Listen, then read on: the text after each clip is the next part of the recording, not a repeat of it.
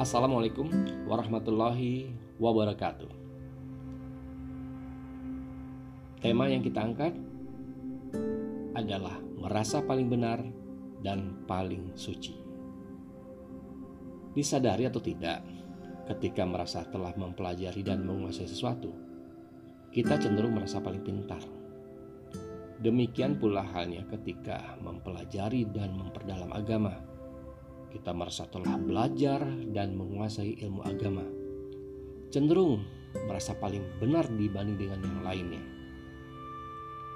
Merasa diri paling hebat, paling benar, paling suci, paling aman dari dosa, paling beriman atau bahkan paling berhak masuk surga. Merupakan tipu daya setan.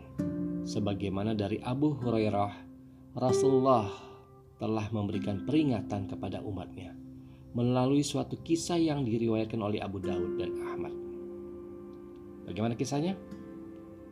Ada dua orang bersaudara dari kalangan Bani Israel dengan sifat yang sangat kontras. Satu di antara mereka sering berbuat dosa, sementara yang satu sangat rajin beribadah. Suatu ketika rupanya si ahli ibadah selalu menyaksikan saudaranya itu melakukan dosa hingga lisannya tak betah untuk tidak menegurnya. Teguran pertama pun terlontar, berhentilah. Teguran seolah tidak memberikan efek apa pun dan hanya masuk melalui telinga kanan, keluar lagi lewat telinga kiri. Perbuatan dosa tetap berlanjut dan sekali lagi tidak luput dari pantauan saudaranya yang telah rajin beribadah. Berhentilah, ujarnya untuk kedua kali. Si pendosa lantas berucap, Tinggalkan aku bersama Robku. Apakah kau diutus untuk mengawasiku? Mungkin karena sangat kesal, lisan saudara yang ahli ibadah itu tiba-tiba mengeluarkan ucapan kecaman yang berbunyi, Demi Allah, Allah tidak akan mengampunimu, Allah tidak akan memasukkanmu ke surga. Pada bagian akhir, hadis tersebut memaparkan ketika keduanya meninggal dunia, sehingga keduanya dikumpul di hadapan Allah Subhanahu wa Ta'ala. Kepada yang rajin ibadah, Allah mengatakan, "Apakah kau telah mengetahui tentangku? Apakah kau sudah memiliki kemampuan atas apa yang ada dalam genggamanku?" Drama keduanya pun berlanjut dengan akhir yang mengejutkan.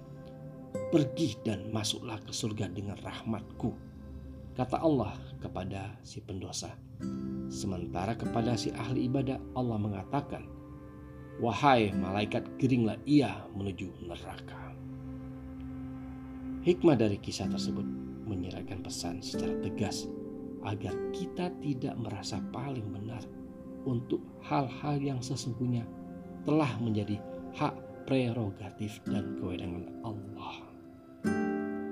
Allah berfirman dalam Al-Quran surah An-Najm ayat 32 yang artinya yaitu orang-orang yang menjauhi dosa-dosa besar dan perbuatan keji yang selain dari kesalahan-kesalahan kecil.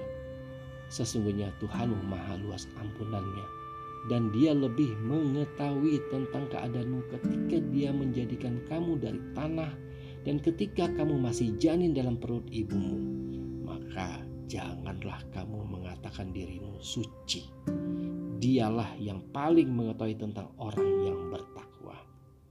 Ingatlah, ketika jari telunjuk diarahkan kepada orang lain yang kita anggap salah, tidak suci, lebih berdosa, kurang beriman, dan dianggap tidak pantas untuk masuk surga. Ketahuilah, ada empat jari lain yang mengarah ke diri kita sendiri. Hal ini menunjukkan bahwa jangan sampai kita rajin dan sibuk melihat dan mengurusi kekurangan orang lain hingga membuat kita berkaca pada diri sendiri yang juga penuh dengan kekurangan.